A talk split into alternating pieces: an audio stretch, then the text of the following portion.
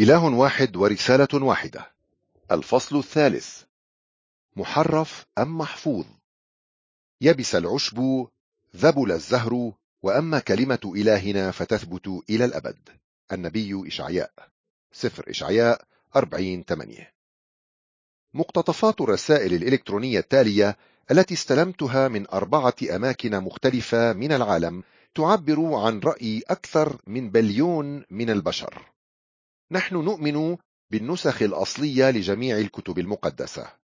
لا تنسى أنه بحوزتك العهدين القديم والجديد اللذين حرفت كلماتهما لكن كلمات القرآن لم تتبدل عبر السنين.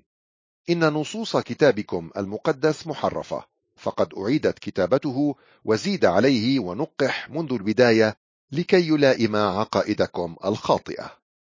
أنا متيقن أن الكتاب المقدس قد حرف منذ قرون عديدة بل منذ آلاف السنين وأن معظم العهد الجديد إن لم يكن كله ما هو إلا تفاهة اختلقها نبي كذاب اسمه بولس. لذلك فإن استشهادكم من الكتاب المقدس هو هدر للوقت في طباعة الكلمات أو نسخها. ترى هل هذه الادعاءات صحيحة؟ هل سمح الإله غير المحدود؟ للإنسان المحدود بأن يغير ويحرف الأسفار التي أعلنها لأنبيائه منذ زمن بعيد. أود أن أوجه كلمة خاصة للقارئ العزيز المسلم. كما تعلم فإن القرآن يعلن بوضوح أن الكتب المقدسة التوراة والمزامير الزبور والإنجيل قد أعطيت من الله هدى ونور. سورة 5 44 51 كما أن القرآن يقول وأنزلنا الله إليك محمد الكتاب. القرآن بالحق مصدقا لما بين يديه من الكتاب الكتاب المقدس ومهيمنا عليه. سورة 548 وأيضا وما أرسلنا قبلك إلا رجالا نوحي إليهم فاسألوا أهل الذكر. الكتاب المقدس إن كنتم لا تعلمون. سورة 21 سبعة. كما أن القرآن يحذر قائلا الذين كذبوا بالكتاب وبما أرسلنا به رسلنا فسوف يعلمون. في الحميم ثم في النار يسجرون. سورة 40 70 و 72 يعلن القرآن مرات عديدة أن أسفار الكتاب المقدس موحى بها من الله وكل من يرفضها سيذهب إلى الجحيم. هذا ما يقوله القرآن. إن مثل هذه الإعلانات في القرآن تخلق مشكلة فعلية للمسلمين في كل مكان لأن الكتاب المقدس والقرآن يقدمان رسالتين مختلفتين تماما عن طبيعة الله وخطته للبشر. لهذا السبب استنتج معظم المسلمين أن الكتاب المقدس قد حرف لكن الأسئلة التالية ساعدت الكثيرين على إعادة النظر في هذا الاستنتاج. هل تظن أن الله قادر على حفظ كتبه المقدسة؟ إن كان الأمر كذلك هل تظن أنه يريد أن يحفظها؟ إذا كنت تظن أن كتب الأنبياء قد حرفت متى حرفت؟ أين حرفت؟ من حرفها؟ إذا كنت تظن أن المسيحيين أو اليهود حرفوا الكتب المقدسة إذا لماذا مات الكثيرون منهم طوعا للحفاظ عليها؟ ما هي الأدلة التي يمكنك تقديمها؟ كيف يسمح الإله الكلي القدرة لأناس زائلين بتحريف سجله وإعلانه المكتوب للجنس البشري؟ إذا سمح الله للبشر بتحريف الكتب التي كتبها أنبياء مثل موسى وداود فكيف تثق أن الكتاب الذي تؤمن أنت به لم يواجه المصير نفسه أيضا؟ لا أرمي من هذه الأسئلة إلى إرباك أي إنسان بأسئلة كثيرة لكن حيث إن الكثيرين يؤمنون بتهمة التحريف هذه وحيث إن لهذا الإيمان عواقب أبدية فإليك سؤال آخر هل تظن أن الكتب المقدسة حرفت قبل مجيء القرآن أم بعده؟ قبل أن تكمل عزيزي المستمع فكر في الإجابة عن السؤال الأخير قبل مجيء القرآن أم بعده؟ ولعله من الأفضل أن تدون إجابتك أيضا. إذا كنت تقول إن التحريف وقع قبل كتابة القرآن فكيف يعلن القرآن أن هذه الكتب ليست ضلالا بل هدى للبشر وليست ظلاما بل نورا لهم؟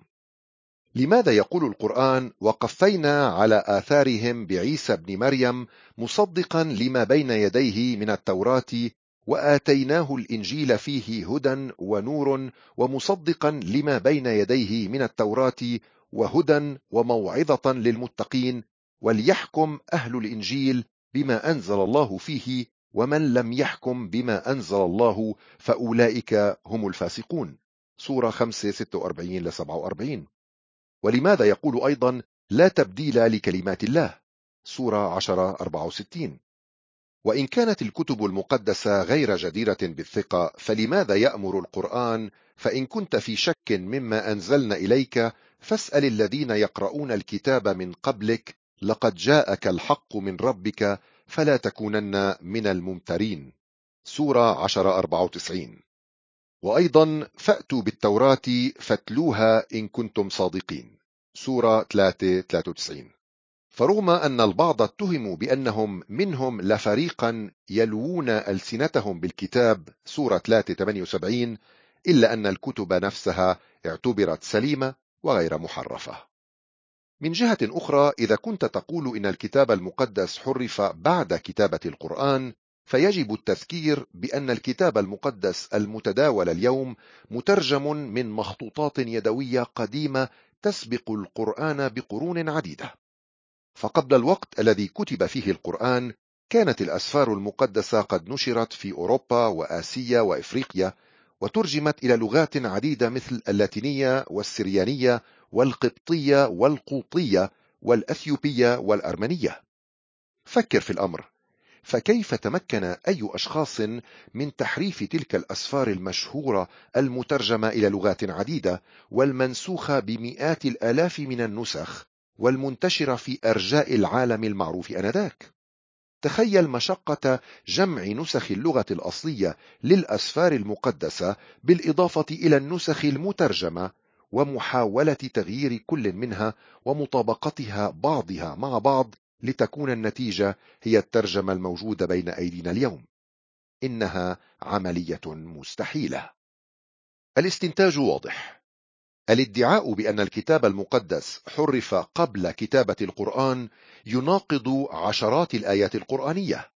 الادعاء بأن الكتاب المقدس حرف بعد كتابة القرآن يناقض البراهين التاريخية والأثرية التي تدعمها آلاف المخطوطات القديمة. هذا الاستنتاج يثير مجموعة أخرى من الأسئلة. من أين جاءت آلاف المخطوطات والترجمات هذه؟ أين هي الكتابات الأصلية؟ بسبب واقع أن كل شيء على الأرض يهترئ ويندثر فإن مخطوطات الكتاب المقدس الأصلية لم تعد موجودة لكن هناك آلاف النسخ القديمة لكتابات الأنبياء الأصلية والمحفوظة في العديد من المتاحف والجامعات حول العالم إذا كنا نتحدث عن التوراة أو الإنجيل أو الفيلسوف أرسطو أو المؤرخ يوسفوس أو حتى القرآن الأكثر حداثة فإن جميع الوثائق الأصلية غير موجودة. فهكذا هي الحال بالنسبة لكل كتب العصور القديمة حيث لم يبق منها إلا سلالات النسخ الأصلية. معظم الناس في السنغال يؤمنون أن الكتاب المقدس محرف وهم لا يثقون به لكنهم بالمقابل يثقون بقصص الأجداد. وهذه القصص هي تأريخ شفهي يحفظ فيه الإنسان تاريخ أسرته وأجداده وأصله والقرية التي جاء منها. وهذه القصص تنتقل من جيل إلى جيل. ورغم أن المرء يندهش حقا من قدرة هذه القصص على حفظ تواريخ العائلات بدرجة عالية من الدقة إلا أن هذه الدقة تضعف بمرور الوقت. ونحن نعلم أن الطريقة الشفهية في حفظ الحقائق عند البشر لا تضاهي الكتابة بأي حال من الأحوال. إذا لماذا يثق الكثيرون بسرعة بشهادة البشر الشفهية لكنهم يترددون في تصديق شهادة الله المكتوبة؟ وهل هذا سلوك حكيم؟ إن كنا نقبل شهادة الناس فشهادة الله أعظم.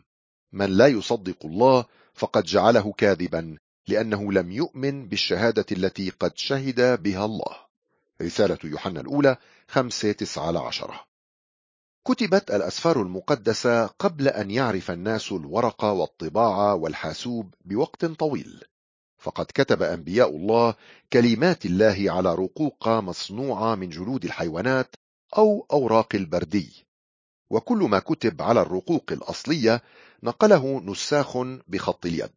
كان هؤلاء النساخ حرفيين متميزين في العالم القديم حيث كانوا يتقنون القراءة والكتابة وصياغة المستندات القانونية ونسخها. وقد قام بعض هؤلاء النساخ بإنتاج نسخ من الكتاب المقدس وكان هدفهم هو نسخ النصوص بدقة متناهية. وفي نهاية بعض الكتب كان النساخ يدونون عدد كلمات الكتاب والكلمة الواقعة في منتصف النص لكي يتمكن النساخ الآخرون من إحصاء الكلمات من جهتي الكتاب ليتأكدوا أنه لم يحذف منه حرف واحد. ورغم حذرهم الشديد فقد احتوت هذه النسخ بعض الاختلافات البسيطة. كلمة أو عبارة أو فقرة محذوفة أو رقم منقول بطريقة خاطئة. لكن هذه الاختلافات في المخطوطات القديمة لم تؤثر بتاتا على أي حق أساسي. لم يحدث قط أن وجد العلماء مشكلة في النصوص القديمة الدينية وغير الدينية بسبب الاختلافات البسيطة في النسخ. بل على العكس تماما فهذه الاختلافات الموجودة في النصوص المنسوخة باليد تؤكد وتؤيد حجة عدم التلاعب بالكتب المقدسة. وخلافا للقرآن فإن تاريخ الكتاب المقدس لا يتحدث عن محاولة أحدهم لكتابة نسخة مثالية وحرق النسخ المتبقية. لقد حفظ الله رسالته لنا. لكن كيف نتأكد أن الكتاب المقدس الموجود بين أيدينا اليوم هو نفسه الذي كتبه الأنبياء والرسل؟ حتى وقت قريب كانت أقدم نسخ معروفة لأسفار العهد القديم والتي كتبها الأنبياء ما بين سنة 1500 و 400 قبل الميلاد يعود تاريخها إلى نحو سنة 900 بعد الميلاد. وبسبب طول الزمان بين الأسفار الأصلية والنسخ الموجودة فقد زعم النقاد أنه من المستحيل معرفة ما كتبه الأنبياء وذلك بسبب تكرار نسخ النصوص القديمة قرنا تلو الآخر. بعد ذلك تم اكتشاف مخطوطات البحر الميت. السنة 1947 المكان وادي قمران قرب البحر الميت. العنوان الرئيسي صبي بدوي يعثر على كهف فيه جرار فخارية تحوي مخطوطات قديمة باللغات العبرية والآرامية واليونانية أثناء بحثه عن عنزته الضائعة. في الفترة الواقعة بين سنة 1947 وسنة 1956 تم العثور على أكثر من 225 مخطوطة للكتاب المقدس في 11 كهفا. وقد أرجع علماء الآثار تواريخ هذه المخطوطات إلى ما بين سنة 250 قبل الميلاد و68 ميلادية. وهكذا فإن غالبية هذه المخطوطات يزيد عمرها على ألفي سنة. يا له من اكتشاف رائع. كانت جماعة من اليهود الذين عرفوا بالأسينيين هم الذين خبأوا هذه المخطوطات في كهوف قمران في نحو سنة 70 ميلادية السنة التي هدم فيها الرومان أورشليم. فقد عقد هؤلاء الرجال العزم على حفظ تلك المخطوطات وحمايتها للأجيال القادمة مهما واجهوا من أخطار. وهكذا رغم أن الكثيرين منهم تعرضوا للقتل أو الشتات في بلدان متفرقة إلا أن الأسفار المقدسة بقيت محفوظة. فقد بقيت هذه الرقوق المصنوعة من ورق البردي محفوظة لأكثر من 1900 سنة في جرار فخارية في مناخ جاف وملائم في منطقة البحر الميت. عندما انتشر خبر اكتشاف هذه المخطوطات القديمة في أرجاء العالم ظن كثيرون أن النصوص ستحوي اختلافات جوهرية عن النصوص الأحدث منها بألف سنة. وعندها سيصدق ادعاء البعض بأن الكتاب المقدس محرف. لكن ظن المشككين خاب إذ لم يتم العثور إلا على فروق إملائية ولغوية ضئيلة الأهمية. كما أن تلك المخطوطات القديمة احتوت نفس كلمات ورسالة الكتاب المقدس الذي بين أيدينا اليوم. ما هو الحكم الرسمي الذي أقره علماء مخطوطات البحر الميت فيما يتعلق بتهمة تحريف الأسفار المقدسة؟ لقد قالوا الأدلة المتوفرة لدينا حتى يومنا هذا تشير إلى أن هذا التحريف المزعوم لم يحدث. فيما يتعلق بالعهد الجديد هناك ما لا يقل عن 24 ألف مخطوطة قديمة بالإضافة إلى 5300 مخطوطة يونانية أصلية من بينها 230 مخطوطة يعود تاريخها إلى ما قبل القرن السادس. كل هذا يثبت أن العهد الجديد هو أكثر كتاب موثق في التاريخ. بالمقارنة لنأخذ مثلا كتابات الفيلسوف اليوناني أرسطو الذي عاش ما بين سنة 384 و 322 قبل الميلاد. أرسطو هو من أكثر المفكرين تأثيرا على مر العصور. رغم ذلك فإن كل المصادر التي لدينا عن فلسفته وفكره لا تتعدى عددا قليلا من المخطوطات التي يعود تاريخ أقربها إلى سنة 1100 ميلادية. وهذا يعني وجود فجوة مقدارها 1400 سنة بين هذه المخطوطات وتاريخ الكتابات الأصلية. رغم ذلك لا أحد يشكك في صحة كلمات أرسطو وفلسفته. وعلاوة على آلاف مخطوطات العهد الجديد فقد عثر العلماء في بعض الكتب غير الدينية التي يعود تاريخها إلى ما قبل سنة 325 ميلادية وهو تاريخ أقدم مخطوطة كاملة موجودة للعهد الجديد على آلاف الاقتباسات المأخوذة من العهد الجديد. وهذه الاقتباسات كثيرة جدا بحيث إننا نستطيع أن نعيد كتابة العهد الجديد بأكمله تقريبا بالاعتماد على هذه الاقتباسات وحدها. هذه الدلائل تؤكد أن العهد الجديد هو أفضل نص قديم محفوظ. ربما سمعت أحدهم يقول لكن هناك الكثير من الكتب المقدسة التي يختلف بعضها عن بعض فأية نسخة أو ترجمة هي الصحيحة؟ من المهم أن نفهم الفرق بين مخطوطات الكتاب المقدس القديمة والترجمات المختلفة لهذه المخطوطات. فالمخطوطات نسخها النساخ في القديم قبل قرون عديدة من القرآن. أما الكتب المقدسة المتداولة في يومنا هذا فهي مترجمة عن تلك المخطوطات القديمة. فقد تمت ترجمة الكتاب المقدس من لغاته الأصلية العبرية والآرامية واليونانية إلى أكثر من 2400 لغة مختلفة وإحدى تلك اللغات هي العربية. الكتاب المقدس متوفر بعدة ترجمات عربية ممتازة وكل ترجمة تختلف قليلا عن الأخرى وهذا ما يحدث عادة عندما تترجم الكلمات من لغة إلى أخرى. فقد تختلف الكلمات التي يختارها المترجمون لكن المعنى والرسالة لا يتغيران عندما تكون هناك أمانة في الترجمة. في هذا الكتاب قمنا باقتباس آيات الكتاب المقدس من الترجمة العربية المعروفة باسم فان دايك البستاني وهي ترجمة دقيقة وجميلة في الوقت نفسه.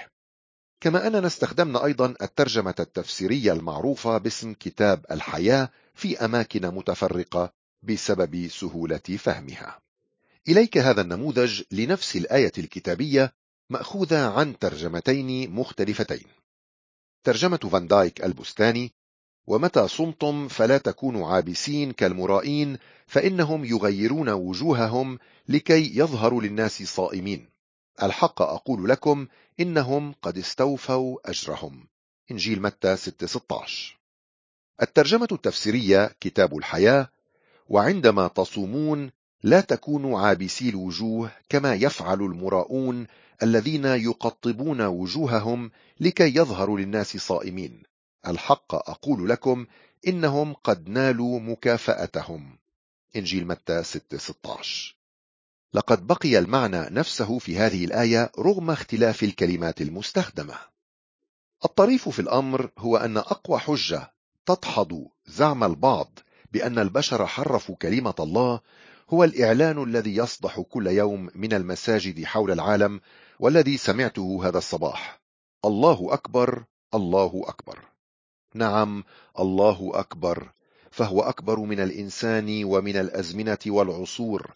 ولأجل بركة جميع الأمم ولكي يصون اسمه فإن هذا الإله الحقيقي الحي حفظ رسالته لتصل إلى جميع الأجيال. فالله هو ليس الخالق والحافظ لعالمه فحسب بل هو أيضا كاتب كلمته وحارسها. إلى الأبد يا رب كلمتك مثبتة في السماوات. المزمور 119 89 في هذه المرحلة من الرائع أن نعتقد أن جميع القراء الذين يستعدون للرحلة قد تجاوزوا العقبات التي تمنعهم من الإصغاء إلى كلمة الله. لكن في حقيقة الأمر أن خبرتي الشخصية تشير إلى عكس ذلك. فهناك عقبات أخرى تمنع كثيرين من الوصول إلى الحق. استلمت مؤخرا هذه الرسالة الإلكترونية. شكرا على إجاباتك. أذكر أن الله قال في مكان ما نصنع الإنسان على صورتنا. ولطالما تساءلت إلى من يعود الضمير نحن. أليست هناك ترجمات مختلفة للكتاب المقدس؟ أيها هو الصحيح. ألا تعتقد أنه توجد ديانات أكثر من اللازم؟ لو لم تكن تلك الديانات موجودة هل كان برجا نيويورك موجودين اليوم؟ أليست المسيحية مسؤولة عن موت الكثيرين؟ ولماذا تثق أنت بما تؤمن به؟ لماذا؟ لماذا؟ لماذا؟ يمكننا أن نستمر في طرح الأسئلة إلى الأبد عن أسطورة ما وأن نخترع لها ردودا ذكية كما يفعل الوعاظ لكي يستمر التبرع بالأموال لهم. من خلق الله. لقد نسيت. وشكرا. في حين أن كتاب الله يقدم إجابات وافية عن أسئلة هذا الشخص إلا أنه ينبغي على كل من يبحث عن الحق الأبدي أن يتوقف عند نقطة ما عن التركيز على الأسئلة البشرية وأن يبدأ بالتأمل في كلمات الله. يكشف الكتاب المقدس عن الأسباب الحقيقية التي بسببها يرفض الناس الحق الإلهي. إليك ثلاثة منها. أولا فساد القلب. البعض لا يتأملون في الكتاب المقدس لأنهم ببساطة لا يريدون أن يعرفوا خالقهم ومالكهم. يقول الكتاب المقدس في تقييمه لقلوب البشر وهو هنا لا يتحدث عن المضخة العضلية بل عن النفس الداخلية المسيطرة. فسدوا ورجسوا بأفعالهم. ليس من يعمل صلاحا. الرب من السماء أشرف على بني البشر لينظر. هل من فاهم طالب الله؟ الكل قد زاغوا معا فسدوا. ليس من يعمل صلاحا ليس ولا واحد. المزمور 14 واحد لثلاثة.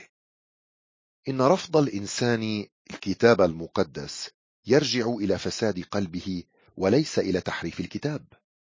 كتب الملك سليمان الله صنع الإنسان مستقيما أما هم فطلبوا اختراعات كثيرة. سفر الجامعة 729 فإن تركنا لأهوائنا الطبيعية فسوف نختار الطريق التي تروق لنا ونضع الخطط التي تحلو لنا ونعيش ونموت على دين آبائنا. بل إننا سنبحث عن بعض العلل التي تبرر عدم سعينا إلى معرفة الله. بعد أن نبدأ رحلتنا عبر صفحات الكتاب المقدس سوف نكتشف لماذا نحن هكذا. لكن الآن اعلم أنه يوجد سبب وجيه للتحذير الذي كرره كتاب الله لنا. من له أذنان للسمع فليسمع. إنجيل متى 13 9 ثانيا القلق والغنى. البعض لا يدرسون كلمة الله أبدا لأن محور تركيزهم هو الحياة الأرضية والزمان الحاضر. وهم هذا العالم وغرور الغنى يخنقان الكلمة فيصير بلا ثمر.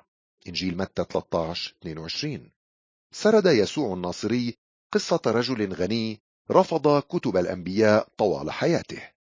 ربما كان هذا الرجل يحاول أن يخدر ضميره بقوله إن هذه الكتب غير جديرة بالثقة. ومهما كان السبب فقد مات ذلك الغني ووجد نفسه في الجحيم. ولكي يعطينا الله تحذيرا واضحا فقد سمح لهذا الرجل أن يتكلم لفترة وجيزة مع النبي إبراهيم في الفردوس. طلب الرجل الغني نقطة ماء يبرد بها لسانه لكنه لم يحصل عليها. وعندما أدرك أنه سيبقى إلى الأبد بلا رجاء ابتدأ يتوسل إلى أبينا إبراهيم لكي يرسل أحدا من الأموات ليحذر إخوته الخمسة الأحياء لكي لا يأتوا هم أيضا إلى موضع العذاب هذا. وكان رد النبي إبراهيم واضحا. قال له إبراهيم عندهم كتب موسى والأنبياء ليسمعوا منهم. فقال لا يا أبي إبراهيم بل إذا مضى إليهم واحد من الأموات يتوبون. فقال له إن كانوا لا يسمعون من موسى والأنبياء ولا إن قام واحد من الأموات يصدقون. إنجيل لوقا 16 27 ل 31 لقد أعلن الله أن كلمته المكتوبة هي دليل أقوى من المعجزات والعجائب على صدق الحق الذي ينادي به. لهذا فقد أعطانا الله كتب أنبيائه وحفظها لنا وهو يتوقع منا أن نسمع منهم. ثالثا الخوف من الإنسان. البعض لا يدرسون الكتاب المقدس لأنهم يخافون من ردود فعل الآخرين. اعترف لي أحد جيراني ذات يوم قائلا لولا خوفي من أسرتي لكنت قرأت الكتاب المقدس. والكتاب المقدس يقول لنا الخشية من الناس فخ منصوب. أما المتكل على الرب فآمن. سفر الأمثال 29 25 ترجمة الحياة. وماذا عنك؟ هل تخشى الأسرة والأصدقاء وما يمكن أن يفعلوه أو يقولوه أو يفكروا فيه إذا اكتشفوا أنك تقرأ كتابات نفس الأنبياء الذين يدعون تكريمهم؟ لا تخف لأن كلمة الله تقول أما المتكل على الرب فآمن. ومن وجهة نظر الله لا يوجد أي سبب مقنع لإهمال رسالته.